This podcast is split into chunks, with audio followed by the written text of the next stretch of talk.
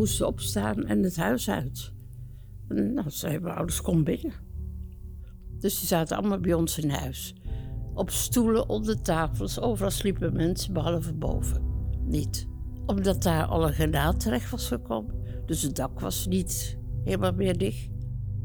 Dat is wel heel heftig, want het lijkt mij dat als er zo'n ehm, granaat op je huis valt, dat, er dan, dat je dan niet kan beseffen dat je gewoon geen dak meer hebt en dat je eigenlijk gewoon niet meer veilig naar boven kan.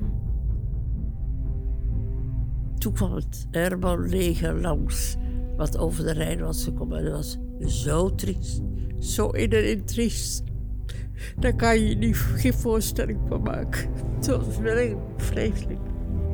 Sommigen droegen gewonden, anderen sloften. Ze waren zwart, ze waren vies. Ze keken je aan met de ogen die dwars door je heen keek.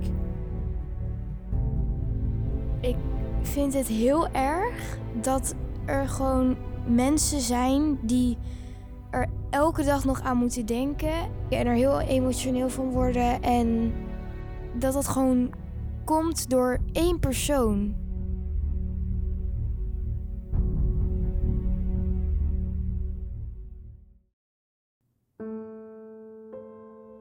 Je luistert naar de podcastserie Ik Kom Terug, waarin je verhalen hoort van de ruim 100.000 mensen die de slag om Arnhem hebben meegemaakt.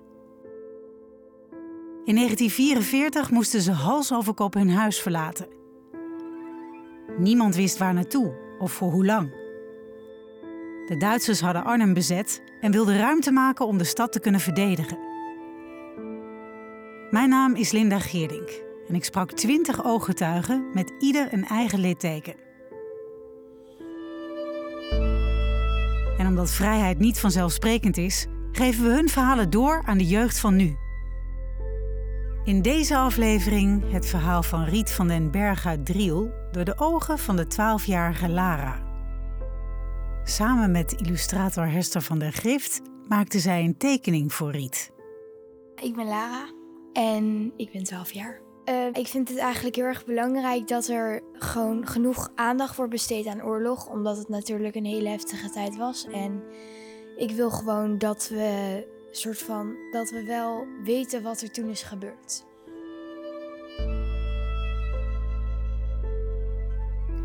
Ik zit uh, bij Riet aan de keukentafel in Lochem. En Riet uh, heeft de oorlog meegemaakt. In 1944 woonde ze in Driel. Haar ouders hadden een bakkerij. Met zes kinderen woonden jullie daar. Ja. Kan je een klein beetje schetsen, Riet, hoe de situatie was bij jullie? Uh, we hadden een vrij groot huis. We waren toen ik een jaar of drie was afgebrand. Dus er was een nieuw huis gebouwd. Vrij modern voor die tijd. En uh, we hadden dus twee knechts in de bakkerij. Maar één daarvan was intern en we hadden een dienstmeisje intern. En een winkel was erbij? Ja, grote winkel. We verkochten flessen, we verkochten klompen, we verkochten suiker, drogisterijartikelen. Ja, textiel. Allerlei soorten, handdoeken, theedoeken, ondergoed. En uh, ze hadden vleeswaren, dus die Geneven ook heel veel. Zo'n beetje alles, als ik dat zo hoor. Ja, we hadden alles. Net, we hadden net geen schoenen en geen bovenkleding. Maar anders hadden, konden we alles zo uit de winkel pakken. Een heel mooi leven eigenlijk, als ja. ik het zo hoor. En we achter, hadden achter ons huis, dus toen de nieuw gebouwd was, had vader een gekke schommel en een wip laten maken. En uh, we hadden altijd vriendinnen die daar kwamen. Nu werd op 17 september dat onbezorgde leven bruut verstoord. Ja, we waren zondags nog naar de kerk gegaan. Toen zei de bestuur, we stoppen met de mis, jullie moeten naar huis. Het wordt te gevaarlijk. En toen zijn de mensen uit de kerk naar huis gegaan. En toen waren we thuis en ja, toen kwamen de vliegtuigen, de glijders kwamen, de parachutisten. Die kon je vanuit ons huis, uit onze slaapkamerramen, prachtig zien. Konden we helemaal over en een beetje het dorp heen kijken. U ziet het beeld nog voor u? Oh ja, dat vergeet je nooit meer. Dat zo, was zo prachtig, al die kleuren. Tegelijk was het heel angstig, want er waren ook wel vliegtuigen die dus, vooral glijders, die verongelukten. Of die in brand vlogen. Dat zag u? Ja, Vanuit het raam? Ja. En je zag ook al een parachute die niet open ging. En het raar was, hij vlak langs een andere parachute kwam, dan werd hij gegrepen. Dan gingen ze met z'n tweeën sneller naar beneden. Wist u dat het de geallieerden waren? Ja. Ja, dat wisten we wel. Want we wisten natuurlijk dat de geallieerden in Normandië en zo dichterbij kwamen. Hè? Dat volgden we. al- We luisterden altijd naar Radio Oranje. Maar u keek dus uit het raam. Was er onrust thuis? Gingen jullie meteen uit- Helemaal niet. We waren ontzettend blij. Jullie waren ontzettend blij omdat je dacht dat je bevrijd zou worden. Ja. Ja. Maar het tegendeel was waar. Nou, dat hadden wij die eerste week zeker niet zo. Want het was echt een jubelstemming. Aan onze kant kwam ook een geleider terecht. En er kwamen Amerikanen uit met in die jeep. En die hadden chocola bij zich in blikjes. En die wilden naar Drielse Veer. En daar zijn ze ook gegaan. Dus die zijn overgestoken naar Oosterbeek. Toen was daar eigenlijk van Duits verzet niet zo erg veel te merken. Die eerste luchtlandingen niet. Wanneer merkten jullie dat wel? al heel rap in de week, halfweg de week, dat er erg gevochten werd. En dag en nacht ging dat wel door, de schieten hoorde. En we kenden Oosterbeek goed, want we gingen naar de tandarts. We gingen ja, naar juwelier af, naar boekenwinkels. En het kwam dichter en dichter bij Driel. Ja, ja. Toen eh, hebben wij al heel snel de matrassen naar beneden gehaald van onze bedden. Omdat er toch erg veel eh, gevochten werd met vliegtuigen in de lucht. Zijn er ook wel eens brandend naar beneden gekomen. Toen was boven slapen niet meer... eh, dat deden we niet meer. En waar sliepen jullie toen? Beneden, we hadden dus kamer en suite. En in de voorste kamer sliepen we. In één kamer met z'n allen. Ja. Nou, en ja, een hele nacht doorslapen deed je eigenlijk haast niet. Want het was toch wel allemaal heel erg vreemd. En doorslapen lukte niet vanwege het lawaai buiten. Ja. Ja. Ja. De beschieting en de gevechten. De gevechten, we hebben ook dat we allemaal naar buiten vlogen. Want boven onze vliegtuig in brand. Boven ons huis. En de buurman riep, het, jullie moeten het huis uit. Want hij hangt brandend boven jullie huis. En dan schoot hij vaak verder weg toch het weiland in. Dus eigenlijk is nooit iets op, toen op ons huis gekomen. Was u bang in die tijd? Nee, nee. Heel spannend, vind je het? Ik geloof dat onze ouders wel bang waren. Maar als kinderen vind je het allemaal heel nieuw en heel spannend. Waar zag u dat aan, dat uw ouders wel bang waren? Nou, eh, dat ze alles ja, bezorgd waren. Dingen bij zich probeerden te houden. En zei, ga niet van huis, blijf bij huis. En Jullie hebben op een gegeven moment heel veel mensen opgevangen in huis. Ja, maar dat, dat was pas toen de Polen kwamen. Nou, toen was het dus, eh, om een of andere reden wisten we dat die brug in Arnhem niet gelukt was. En toen eh, waren, kwamen er weer laagvliegende vliegtuigen over.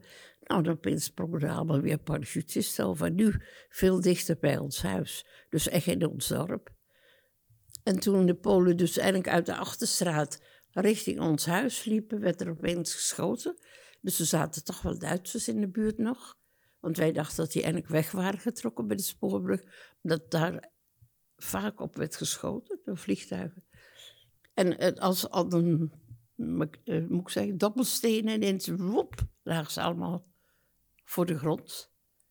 En ze schoten niet terug, het was ineens stil. De Polen. Ja, En u wist ook dat het Polen waren. Nee, helemaal niet. We wisten wel dat het dus bevrijders waren. Dus toen kwamen ze dichterbij. En eh, ze hadden heel veel bepakking bij zich. En die vroegen om water. En eh, dan liepen we naar binnen. En dan gingen we een glas water of een beker water, dat weet ik niet. Dan moesten we er eerst zelf van drinken. En dan dronken hun pas. Ik denk dat ze bang waren dat het water niet goed was of zo. En toen zagen we op die mouwen Poland staan. Toen nou, Heel vreemd. Maar toen zei vader, ja, je kon er eigenlijk heel moeilijk mee praten natuurlijk, maar toch zo goed als kwaad. Dat Drielse veer eigenlijk niet zo goed meer was, dat ze daar beter niet naartoe konden. Maar ze zijn de Drielse veer vertrokken. En eh, wij zijn weer gewoon in onze bedden gaan slapen. De buren allemaal in hun eigen huis. En eh, midden in de nacht hoorden we verschrikkelijk veel om ons huis praten. En we konden het niet verstaan. En opeens werd er ons op onze deur gebonst. En toen was familie Beijer. En die, die hadden negen kinderen. Dat waren de buren? Dat waren de buren. En in dat huis, dat was gevorderd voor Sosoboski als hoofdkwartier. Wie is En, Sosoboski? Sosoboski is generaal van de Polen, die dus Polen leidden. En eh, ze hadden nog een babytje, daar stond ze mee op de arm. Moeke Beijer dus. En Beijer zei, ja, we moeten eruit, we kunnen niks meenemen. We moesten opstaan en het huis uit.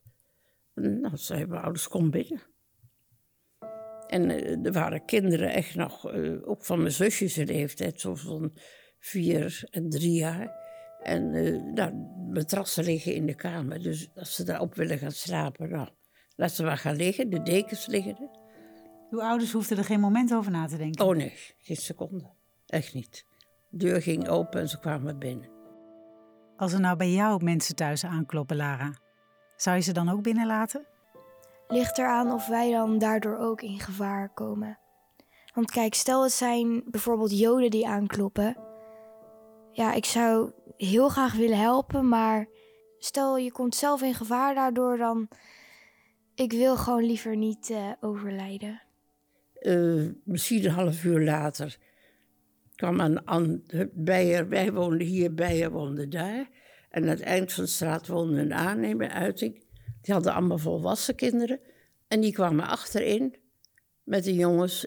En die zei, we moesten het huis uit, kunnen we bij jullie? Toen zei vader, ja, dat kan. Want wij verkochten natuurlijk ook groenten in blik. Eh, aardappels verkochten we niet, maar die verkocht weer iemand tegenover ons. zat een aardappelhandelaar. Dus aan eten was bij ons geen gebrek. Dus ze wisten, als we naar Van den Berg gaan, zitten we in ieder geval goed. Ja, Voorlopig. er is eten. Want hun mochten ook niks. Je wordt gewekt en je moet opstaan en je moet er huis uit. Het is niet zo, je krijgt tijd om spullen te pakken. Je moet eruit. Met hoeveel mensen zaten jullie daar op een gegeven moment, Riet? 58. 58? Ja, want die familie Uiting, die hadden ook een stuk of zes, zeven, maar er waren volwassene mannen bij. Die al timmerden, de- wat timmerman. Hè? Want wij gingen wel eens daar naartoe een kist maken voor iemand die dood was. Dus dat vonden we altijd als kinderen nog wel interessant. Dus die zaten allemaal bij ons in huis. Op stoelen, onder tafels, overal sliepen mensen, behalve boven. Niet Want? omdat daar al een granaat terecht was gekomen. Dus het dak was niet helemaal meer dicht. Niet te beseffen eigenlijk. Want wij slapen natuurlijk gewoon eigenlijk allemaal gewoon in een bed. Maar dat je dan gewoon in die tijd onder een stoel moest slapen. Ja. En mijn vader had ons goed op het hart. Boven mag je niet naartoe. Want wij wisten, als je op de Westerbouwing bent, dan kun je ons dak helemaal zien. Het lijkt mij dat als er zo'n ehm, granaat op je huis valt, dat, er dan, dat je dan niet kan beseffen dat je gewoon geen dak meer hebt en dat je eigenlijk gewoon niet meer veilig naar boven kan. En jullie hadden Polen om het huis. Ja, heel veel. Die lagen op ons huis. In de voortuin, onder het raam. Want Soseboski zat natuurlijk vlakbij. Die moest ook beschermd worden natuurlijk. Achter, overal eenmansgaten. En er zaten allemaal Polen in. En ook in huis. Nou, die kwamen vanzelf in huis. We hadden twee zolders, een voor- en een achterzolder. En op die achterzolder had moeder dus en vader de kleden opgerold van de kamers. En daar lagen ze, hadden ze zich dan ingerold en lagen ze in te slapen. Dachten we, oh, dat is nog wel makkelijk, want er komt misschien geen naadscherf doorheen. Maar fijn. Eh, de jongens van Uiting, die zeiden, we zijn met zoveel mensen, er moet natuurlijk gekookt worden. En die hebben, zijn toen teruggegaan naar hun bedrijf en hebben daar stukken kachelpijp gehaald. En toen een gat gemaakt in de schoorsteen en daar die kachelpijp ingestoken. Zodat ze de oven van de bakker rijk konden stoken. Dat deden ze met takkenbossen. En dat deden wij altijd al, daar soep in trekken.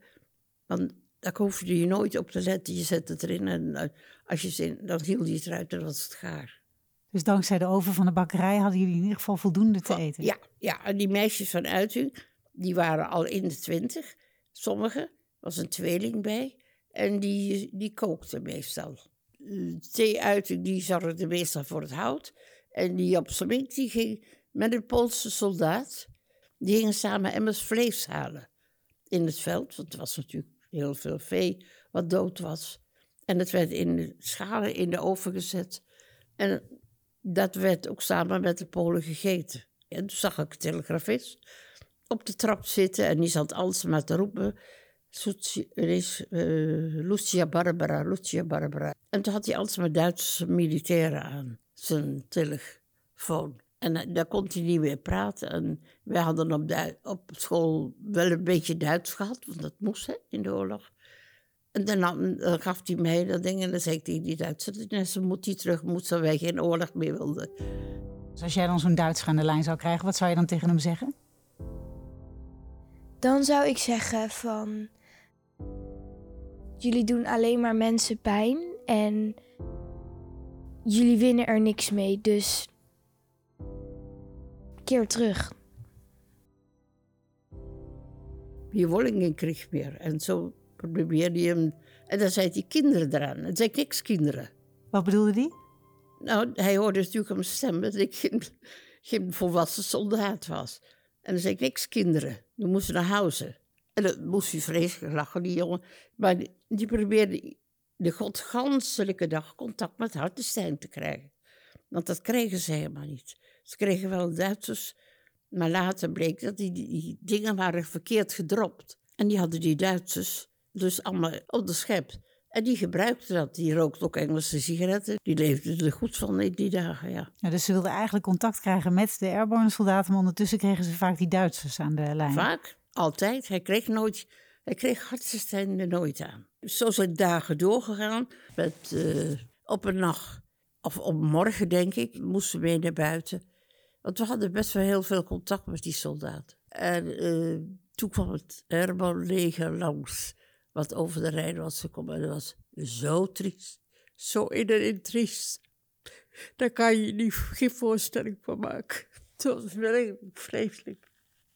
Sommigen droegen gewonden, anderen sloften. Ze waren zwart, ze waren vies. Ze keken je aan met ogen die dwars door je heen keken. En toen kon ze ons ook wel zoveel aan de stand brengen dat het dus niet goed ging. Dat dus Oosterbeek opgegeven werd. En misschien Driel ook wel dat we dan weg moesten. Het was natuurlijk een, een, triest moment. Ja, ja. Heel zwaar. Heel zwaar. Ja, toen voelde je echt van, ja, dat gaat niet goed. En uh, toen zijn mijn ouders toch wel al begonnen om sommige dingen op te ruimen. En op een, ik denk een middag of morgen, kwamen er dus van... Uh, de ondergrondse van Baltus, van de jamfabriek, een van die mannen. En die zei, zitten jullie nog met zoveel mensen hier? Driel is al bijna leeg. Jullie hadden al lang weg moeten zijn. Maar ja, wij hadden natuurlijk, waren zelfvoorzienend. En hadden helemaal geen contact verder met Driel. Dus jullie voelden gewoon ook helemaal niet de noodzaak om nog te gaan? Nee, helemaal niet. En, dan tegen ja, waarom moeten we weg? Dan ze die Driel wat opgegeven, die Polen gaan weg hier. Dus het wordt hier straks niemand land, je moet hier weg.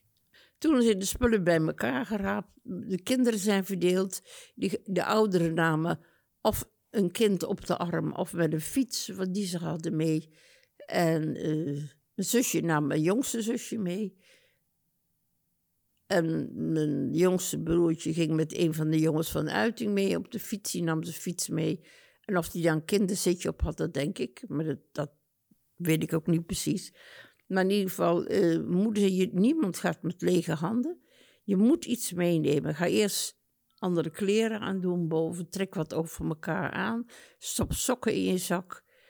En uh, ja, dan, dan moet je gaan lopen. Ze is richting Els. Ze zijn vader en ik gaan eerst nog wat opruimen in huis. En dan komen we na. En, en die Polen hebben gedacht dat ze goed op ons huis zouden passen zo goed als kwaad uh, dacht je dat ze dat verstonden, maar dat weet je ook niet.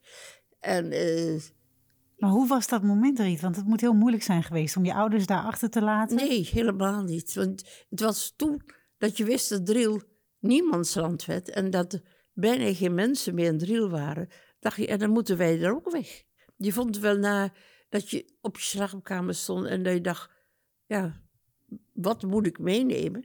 Maar Wat nam u mee? ik weet dat, dat ik sokken in mijn zak heb gestopt en een onderbroek, geloof ik. En ook iets over elkaar aan. En schoenen, maar nieuwe, en een jas. En toen kwam ik onderaan de trap. En toen zei moeder, heb, nou heb je nog niks in je handen, want je moet wel wat meenemen. En er stond op de trap een hele grote mand. En wij verkochten dus ook stopwol en sokken en allerlei dingen. Dus die mand zat altijd barstend vol. Ja, knoopjes en, en wol. En toen zei ik, nou, dan neem ik de stopmand mee. En daar ben ik mee vertrokken. En ik kreeg nog van mijn vader te horen, als je hoort fluiten, dan moet je tegen huis aan gaan liggen, want dan komt er dus een ontploffing. En doorlopen totdat je bijer, dat was dus onze buurman, die, die wacht jullie ergens op. Doorlopen tot je daar bij bijer bent. En had je dan enig idee waar Beyer stond te wachten? Waar, nee, waar dat nee, was? nee, maar Driel is niet zo groot. Met wie bent u op pad gegaan? Alleen, Helemaal alleen? ja. Als meisje van 13? Maar eh, op wie moest je wachten? Nou, ik kan me voorstellen dat u met een zus of met een broer ging. Nou, die hadden allemaal andere dingen te doen. De een had dus een broer bij zich en de ander had een zusje bij zich. En ik was 13 jaar, dus ik kon alleen lopen. Vond u dat niet ontzettend Nee, spannend? nee, helemaal niet. Ik vond, het, het vreselijke vond ik dat ik langs de jongensschool kwam. En er stonden twee kapotte ziekenwagens. En daar lag van alles naast. Schoenen met een stuk voet erin. En dat vond ik heel naar om daarnaast langs te lopen. Maar die school lag praktisch al in elkaar. Die hadden al verschillende voltreffers gehad. En eigenlijk kwam je overal wel een militair. Of achter een huis langs, of achter wat dan ook. Of insloten. Die alles maar zei doorlopen. Kwam u Beyer tegen op een gegeven moment? En daar op die kruising, daar stond Beyer dus. En die zei, die kant kun je niet op, want dan, daar zitten allemaal Duitsers. Je moet die kant om naar Els toe. En dat hebben we gedaan. En eh de hele eind lopend kwamen daar opeens in de weilanden. stonden allemaal tanks te schieten. Dus daar was het grote leger. Zo ver waren ze wel gekomen. Die, die hadden die, die was gezegd dat ze twee, drie dagen stand moesten houden. En dat zou het grote leger er zijn. Nou, die jongens hebben een week moeten vechten met, met niks. De, de, de bevoorrading viel gewoon in Duitse handen. Via Elst kwamen jullie in Herveld. En daar werd hij opgevangen in een boerderij. Ja, toen hoorde ik onderweg bij er tegen iemand roepen. Dat hij dus, want die man, dat is een boer, die zei: Kom jullie bij mij? Want mijn vrouw is al naar Nijmegen toe. Toen zei Beijer: Nee, wij gaan naar Herveld, naar Hoogveld. Daar bracht hij wel eens graan, dus die kende die goed. En eh, daar zijn we toen naartoe gegaan, die boerderij. En die had het achterhuis, was het vee al uit. En dan had hij allemaal hooi en strooi neergelegd. En daar konden we dus uitrusten. En daar kwamen jullie ook met z'n allen weer bij elkaar? Langzamerhand droop iedereen naar binnen, ja. En daar hebben jullie een aantal dagen gezeten? Ja. En er kwamen mensen eh, van, ja, waar moet je nou met zoveel mensen naartoe? En toen kwam er iemand, denk van de gemeente Herreveld, van wat er in Anders een landbouwschool was. En daar zat nog niemand in, want andere scholen zaten vaak toch wel militairen in. Dus jullie hadden een nieuw onderkomen gevonden in Andels? Ja.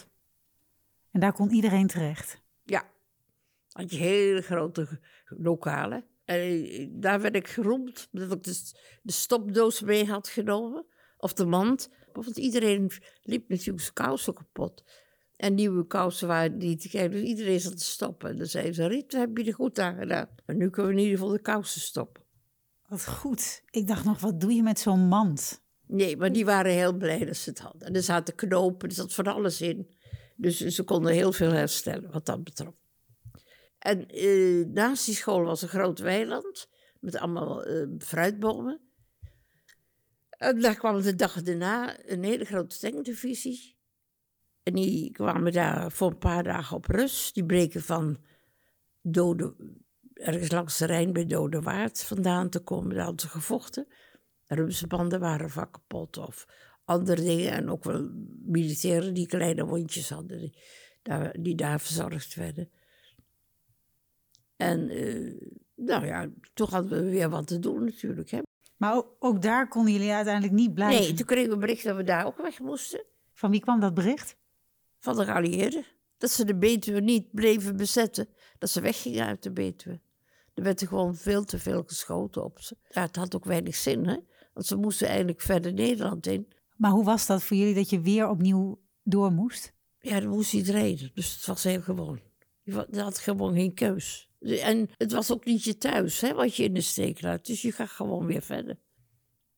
En toen zijn we op die vrachtwagens gegaan. En dat uh, wat moet toch wel tegen de avond zijn geweest. Want s'nachts waren we ergens in een plaats. En er kwamen mensen dus vragen of ze drinken wilden hebben. En toen vroegen we waar we waren. Toen bleek dat we in Nistelrode waren. Daar waren jullie door de Amerikanen gebracht in die vrachtwagens? We zaten allemaal nog, we mochten er niet uit. We zaten allemaal in die vrachtwagens. En we stonden onder de bomen, want daar werden we beschoten door, de, door militaire vliegtuigen. Maar dat moet ook verschrikkelijk zijn. Dit is niet verschrikkelijk, want je zit gewoon in een situatie waar je in verder wil. Maar is daar dan geen tijd voor? Nee, ik denk het niet. Ik denk niet dat daar tijd voor is voor angst te hebben. Dus je moet gewoon verder. Dus je gaat in een soort overlevingsmodus. Ja, je wil verder, want je wil leven. Je wil, ja, we zien wel wat er komt. En toen zijn we verder gereden. En toen kwamen we in Zomeren terecht. Bij een collega bakker? Ja. Toen werd er gezegd, wie is de bakker? Want ja, er kwamen natuurlijk zoveel evacuees dat die bakkers het uh, druk hadden. En toen mijn vader, nou, ik ben bakker en mijn broer die zat op de ambachtschool. Of de bakkerschool, dat weet ik niet. Maar die kon in ieder geval ook wel een beetje brood bakken. Dus die is daar ook naartoe. Nou, daar kon het hele gezin mee. En daar hadden ze allemaal zinken badkuipen met warm water. En dan mochten we voor het eerst weer een bad. Heerlijk. En we kwamen op bed, kermisbedden op de grond. En er zat die steven lakens op. Ik weet, nou, het was, we hebben toen onze roos geslapen, dat weet ik wel. En hebben we toch best wel een week zeker gezeten. En toen deden de Duitsers weer een uitval bij Asten. En daar ze hun familie wonen. En die namen ze dus op. Dus moesten wij bij hun weg. En toen was er een boer op Zomerend. En die hadden een kleine boerderij. Daar konden wij wel naartoe. Mathé Uiting en mijn broer, die konden daar niet bij. Dus die gingen naar de buren toe. En hoe was het daar in Zomerend? Werden jullie daar ook met open armen Daar hebben we het uh, niet fijn gehad. Die mensen die, uh, uh, die evacuees opnamen, die kregen daarvoor betaald. Bleek later, wisten wij niet toen hoor. Maar, en vader had dus uit Driel nog wel, had een zak zout bij zich en nog andere dingen. En dat wilden hun wel in ruil hebben voordat ze ons eten gaven. En ze vader, nee, dat doe ik niet. Ik bedoel, ik wil er wel voor betalen, maar ik ga niet die voorraad die ik heb aan jullie geven. Nou ja, dus uh, kregen we vaak bonussoep. En wij moesten vooruit eten en daarna aten de volwassenen. Het, het, het was een beetje raar gezin. De hond mocht ook niet binnen. Maar mijn moeder die, kreeg daar heimwee. En uh, toen zei mijn vader, dit gaat zo niet langer. Ik ga het proberen. Zijn ouders komen uit Maas en Waal. Balgooi, achter Wiegen ligt dat. Ik fiets daar naartoe en ik probeer of we terug kunnen naar mijn familie. En wij zouden terug gaan daar naartoe. En dat hebben we ook gedaan. Toen kwamen we bij de brug in Graven. En er was s'nachts een aanval op geweest door de Duitsers. Dus we mochten niet meer over die brug in Graven. Konden dus niet in Balgooi komen. Maar een broer van mijn vader woonde in Kind. En toen zijn we naar die Thijs gegaan. En, maar die hadden een te klein huis, dat we er altijd konden blijven. Maar eentje in de verte was een boer, die had een heel groot huis. En die zei, nou, ze mogen onze voorkamer wel hebben. En er zitten twee bedsteden in. Nou, dan kunnen ze daar slapen. Dan is dat hun huis. En mijn moeder mocht in de bijkeuken dus koken ja, dat, was het op zich, hadden we het heel gezellig. Mensen hadden geen elektriciteit, was geen licht, dus het moest alles met petrolielampen. En ze hadden ook geen radio, er kwam geen krant. Het, het was er heel saai ergens wel, maar je was er wel heel vrij en gelukkig. Het was heel rustig. Zo zijn de maanden verstreken. En de bevrijding kwam langzaam in zicht. Ja, nou daar op een avond lopen we en er werd heel erg geschoten in, in, in dat geheug, kind met mijn broer samen, want ik deed, alles met hem samen. En uh, toen zei ik, nou, we moeten naar die boerderij toe, want daar hebben ze een radio, dat wist ik. En er werd ontzettend geschoten in de rug. Allemaal van die, uh, ja, wij noemen het de rozenkrans, van lichtkogels die de lucht ingingen, ontploffingen. Oh, waar doodsblauw. We dachten, oh, Duitsland, dat wist je, die zou een nieuw wapen krijgen. En als ze dat hadden, dan zouden ze de oorlog nog kunnen winnen. Nou, wij dachten, nou... Dit is het. Dat is het nu. En toen naar die boerderij, daar wisten ze verder niks. Ze hoorden ook dat geknal allemaal wel. Maar ze zeiden, nou ja, we weten niet wat er is, dat horen we morgen wel. En de andere dag hoorden we het ook inderdaad, eh, dat dus Duitsland gecapituleerd had. En toen? Hebben we nog maanden moeten wachten hoor.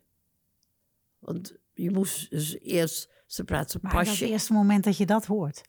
Dat was je heel blij om. Ja, dat het voorbij was. Ja. En dan, ja, hoe zou het in de Betuwe uitzien? Zou je terug kunnen? Maar in ieder geval, uh, na weken, maanden, kregen mijn vader en mijn oudste broer dus pas. Die mochten terug naar de Betuwe op eigen risico. En die zijn een week ongeveer in Drielvissen, toen kwamen ze terug. En ze zeiden ze, ja hoor, we kunnen in ons huis nog best wonen. Het is wel kapot op sommige dingen, maar we kunnen er wel wonen. En alles wat we dus verstopt hadden is weg.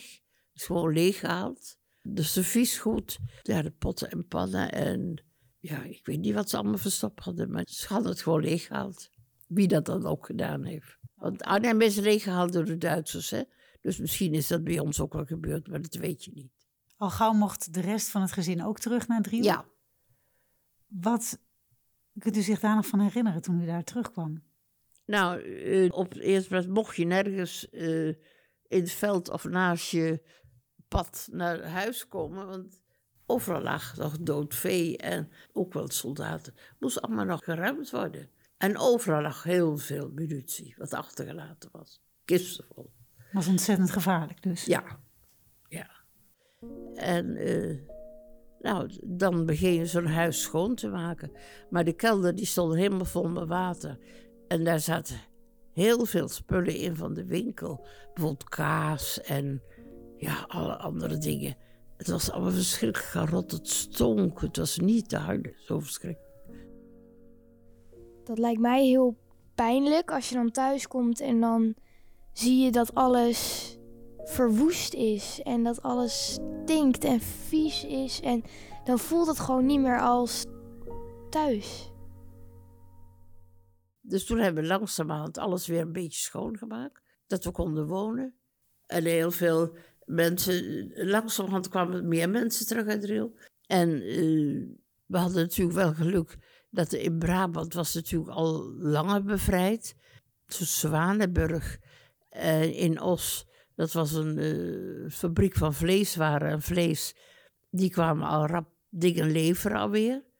Dus en dan kwam de bevolking die terugkwam, kwam ook weer, weer in de winkel kopen. En zo langzamerhand kwam alles weer op gang. U herinnert zich heel veel details. Wat heeft u overgehouden aan de oorlog? Dat er altijd aan denk. Iedere dag? Het was heel veel, ja. Want na die tijd toen ze dus die militairen en ook het vee gingen begraven, was er een, een kennis bij ons en die deed dat ook. En uh, toen kwam een keertje, dat had hij ergens een militair getroffen. Die had was alleen maar zijn been gebroken. En die heeft daar dagen gelegen, want die is gestorven. En die had op zijn sigarettendoosje het afscheid geschreven. En dan denk ik, wat is ons leed dan? Vergeleken met dat is toch niks. Dat is allemaal veel belangrijker dan het, het verlies van, van je meubels en andere dingen. Ik bedoel, dat telt gewoon niet. Ik vind het heel erg dat er gewoon mensen zijn die er elke dag nog aan moeten denken en er heel emotioneel van worden. En ja, dat het gewoon komt door één persoon.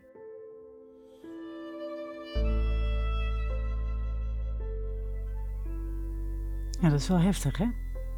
Ja. Heb je een beetje idee wat je wil gaan tekenen? Ik denk dat ik iets wil gaan doen met of de kelder of met die soldaat die op het luciferdoosje had geschreven. Als afscheid. Ja, dat kan ik me niet beseffen. En dat mensen er ook gewoon lang zijn langsgelopen. Ja. Als ik er langs zou zijn gelopen, dan had ik wel geholpen, denk ik. Je hebt iemand naast je zitten, dat is Hester. Hoi. Hi Hester. Hoi. Je gaat Lara helpen met eh, Ja. de tekeningen. Klopt. Ik vond Ja. dat je al twee goede ideeën had. Je hoort illustrator Hester van der Grift. Zij helpt Lara bij het maken van een illustratie op een bord. Een cadeau voor Riet.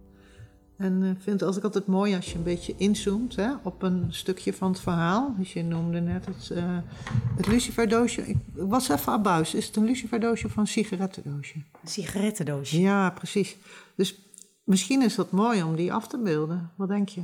Ja, misschien dan hier zo'n luciferdoosje en- of zo'n eh, sigarettendoosje. En dan hier bijvoorbeeld... ehm, Een stukje tekst erin. Waarin eh, hij zegt, eh, waarin hij afscheid neemt misschien. Van de... ja, of iemand die het vast heeft, dat luciferdoosje. En dan het staat daar dan dat op. Mhm. En dan bijvoorbeeld hier dan een huis of zo. En dan hier nog eentje naast. Ja, ik vind, ik vind het wel. Ik zie wel een mooi beeld van mijn hand met een doosje. Zullen we dat doen? Ja. Zo'n doosje, denk ik dat het er ongeveer zo uitzag, hè, met een klepje. Zoiets. Ja. En wat zou die erop geschreven hebben? Ehm, ik denk misschien iets als ehm, dit is mijn afscheid of ik hou van jullie of Ik denk, ja, ik hou van jullie, vind ik wel mooi. ja, Ja. ik denk die. Zullen we dit doen, zoiets? Ja, Denk je dat je het zelf, eh, dat je begint? Moet ik een klein beginnetje voor je maken? maak jij maar een klein beginnetje. Dan zal ik even beginnen met de hand. Ik kan wel eh, de sigaret maken en misschien de tekst in het doosje. Zeker, dan denk ik dat het ook Want de hand lijkt me best wel moeilijk. klopt. Ben ik een beetje bang dat ik het verpest. Oh, dat gaat niet verpest worden. Dat komt goed. Kijk. Zo, de handen. En wat schrijven we dan hier ook weer op? Ehm, wat dacht je hiervan? Ik hou van jullie. Ja, is Ja? goed. Dat Met zwart? doen? Ja. Of nou ja, met wat zou hij dan geschreven hebben? Misschien met zijn Ja, nagel? ja Een beetje een eh, indeukje of zo? Ja, of een steentje. Ja, hij heeft natuurlijk niet zoveel gehad. Ik zou eh, het met grijs doen. Ja, goed. Ik denk ook wel dat hij heel eenzaam geweest is toen hij dat deed. Wat denk jij? Ik denk het ook. Ja. Oh, mooi. En die sigaretjes, hè, die kan jij ook Oh ja. tekenen. Zou ik dat ook met Gijs doen? Ja, doe maar. Oh, je kan er wel goed hoor. En eh, perspectief meteen. Ja, en dan hier nog wat, gewoon Oh, een een beetje... beetje check, is meestal bruin. Ja. Beetje kruimelig, hè? Ja, ik heb wel een ideetje. Ja. Beetje zo. ja, precies. Ja, heel goed. Ik vind het er wel mooi uitzien. Ik ook. Ja, ik vind dat je een mooi detail uit het verhaal hebt gekozen. En het is ook, ja, best wel hoe het is verteld gewoon. Heel goed gelukt. Kijken of Riet daar ook zo over denkt. Vandaag gaat Lara de 91-jarige Riet voor het eerst zien via een live verbinding in het Openluchtmuseum. Omdat haar gezondheid het niet toelaat om te komen, is haar broer Theo wel in het Openluchtmuseum. Nou, vandaag is de dag, Lara. Ja, Spannend? een beetje. Hoi. Ik ben Lara. Hé, ik ben Theo. Hé, Moeke. Theo is de zoon van Riet, Lara. Ja. En, want jij hebt natuurlijk het verhaal gelezen en gehoord van Riet. Moeke. Hallo Riet. Hallo. Fijn dat je er via een live verbinding toch bij kunt zijn. Ja, ja, zeker. En Fijn dat mijn zoon er is en fijn dat Lara er is. Ja. Ja, nu heeft Lara aan de hand van je verhaal Riet iets moois gemaakt. En misschien kan je een beetje vertellen, Lara, wat je hebt gemaakt. Ehm, ik heb dit bord heb ik, eh, betekend. Ja, Ik weet niet of je het goed het kan zien, ja, ik kan het een beetje zien, ja. En ik heb ehm, hier zo aan deze kant heb ik ehm, een huis getekend waar die ehm, granaat in was gevallen, waardoor jullie niet op de zolder mochten komen. Ja, En aan deze kant heb ik een militaire hand gemaakt met een sigarettendoosje erin. En daar staat dan op: Ik hou van jullie, omdat hij, eh, jullie waren hem tegengekomen toen jullie terugkwamen. En daardoor, ehm, daar moest je ook nog heel lang aan denken. Dus dat vond ik wel mooi om daar nog iets over te maken. ja, ja. Ja, het zijn allemaal herinneringen die dan weer boven komen als je het vertelt. Dan, eh, ja, dan zie je dat toch weer een beetje voor je. En je hebt er ook nog tekst opgeschreven, Lara. Wat voor tekst Ehm, is dat? Eh, ik heb, eh, omdat ik vond het niet zo heel erg leuk voor je dat je er nog elke dag aan denkt. Dus toen had ik hier neergezet: ehm, Don't think of war, think of happiness. Heel mooi. Maar ik denk er ook niet iedere dag aan hoor. Er zijn sommige momenten dat je eraan denkt, maar niet iedere dag. Want dan, dan zou je denk ik niet meer kunnen leven. Maar we waren heel blij dat we bevrijd werden. We hadden er natuurlijk al vijf jaar naar uitgekeken. Hè? Een oorlog, dan gebeuren er steeds nare dingen. En als dan eindelijk die bevrijding komt, dan ben je toch heel erg blij. Ondanks dat er heel vervelende dingen gebeuren. Ja. Ik zie dat het jou ook raakt, Theo. Oh ja. En wat raakt je zo?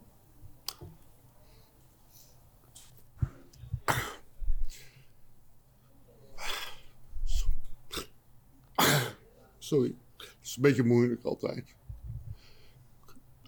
Je groeit ermee op. Met de verhalen. Ik heb al gelezen. Wat mijn moeder verteld heeft. En dat zijn ook wel de mooiste verhalen. Beetje spannende verhalen. Nou, het zijn ook hele mooie verhalen. En je bent ergens heel blij dat het gebeurt. Dus en dat je bevrijd bent. Ja, En dat je weer opnieuw kunt beginnen. daarom. Wat vind jij ervan, Lara, om te zien dat ze nog wel heel veel verdriet ervan hebben? Ehm, nou ja. Het is wel eigenlijk gewoon. Raakt mij ook wel een beetje. Dat is een beetje raar, hè? Nou, het is niet altijd zo, hoor. We doen ook wel eens normaal. Gisteravond hebben we samen gegeten, dat was heel gezellig. Daar praten we er ook niet altijd over. Maar er zijn altijd verhalen in de familie en uh, daar groei je mee op. En dat vormt je ook een beetje. En mijn moeder is ontzettend sterk. Sterk. Misschien heb je er wel slechte herinneringen aan, maar je hebt ook weer hele mooie dingen in het leven meegemaakt. En eigenlijk moet je daar alleen maar aan denken. Lukt dat wel, Riet? Ja hoor, ja, ja. De, de vervelende dingen, eh, die zijn er natuurlijk. Maar eh, na die tijd ben je heel blij als het weer beter gaat. Dan waardeer je dat ook. Lara, wil je nog iets tegen Riet zeggen? Ehm, ik hoop dat het bord ehm, een beetje helpt en dat het eh, een mooi plekje krijgt in de keuken. en Dat, dat krijgt het vast, want de keuken zit vast aan de kamer. Ik heb een appartement, dus ik zie het de hele dag. Zie ik alles een beetje zo voor me. Hè? Nou, Riet, Lara neemt je verhaal ter harte. Ja, nou Lara, ik hoop voor jou dat er nooit geen oorlog komt. Dat kan je natuurlijk nooit ja, met zekerheid zeggen. Maar laten we hopen dat de mensen zo verstandig zijn dat ze met elkaar praten en niet meer vechten. Zo is het. ja, dat vind ik heel mooi. Dat wens ik jou van harte toe. Ja, En bedankt vast voor het mooie bord dat je gemaakt hebt. ja, alsjeblieft. Dank je wel. Bedankt dat ik je verhaal eh, mocht lezen. Ja. Ja, nou ja, ik, ik, ik, ik vertel het vaak, maar nu heb jij het dan ook gelezen. Al ben je dan een beetje vreemd voor mij, maar ik vind het nu heel erg leuk dat je het gelezen hebt. Doei Riet! Dag, tot ziens. Of wie weet, ooit nog eens. Wie Ja. weet. Hé, schatje. Doei. Doei, lief. Doei, doei, lief. Dag Riet. Doei! Doei, doei. Dag. Doei, doei. Je luisterde naar de podcastserie Ik Kom Terug. Wil je meer evacuatieverhalen horen? Luister dan hier naar andere indrukwekkende herinneringen. Zo ook het verhaal van Adrie Over. Als meisje van zes vluchtte ze met haar zusje en ouders van Oosterbeek naar Barneveld. We mochten niet om ons heen kijken, want je moest precies kijken waar je liep. Waar, want er lagen vaak ook onontplofte granaten nog op straat. En toen zijn we helemaal vanaf de Oranjeweg naar, naar het station eh, Oosterbeek. En daar, die Drijenseweg, daar heb ik een hoofd met een helm naast de, in de berm zien liggen alleen maar. Ja, het is al heel erg dat je moet vluchten, maar dan, maar dan kom je buiten en dan zie je een lijk liggen. Dan, dan raak je helemaal in paniek, lijkt mij. Dan kan je echt een trauma bezorgen dat je hele leven blijft. De verhalen van ooggetuigen worden steeds zeldzamer. Deel daarom deze podcast, zodat iedereen hoort dat vrijheid niet vanzelfsprekend is. Deze podcastserie is mogelijk gemaakt dankzij de samenwerking tussen Airborne Museum Hartenstein, het Nederlands Openluchtmuseum, de Airborne Region, Bureau Kessel en de NOW Foundation. Met steun van provincie Gelderland, Programma Vrijheid, Gemeente Arnhem, VSB-fonds en het V-fonds. De redactie werd gedaan door Marieke van Kessel. De montage lag in handen van Linda Geerdink. En de eindmix deed Peter Kluiver.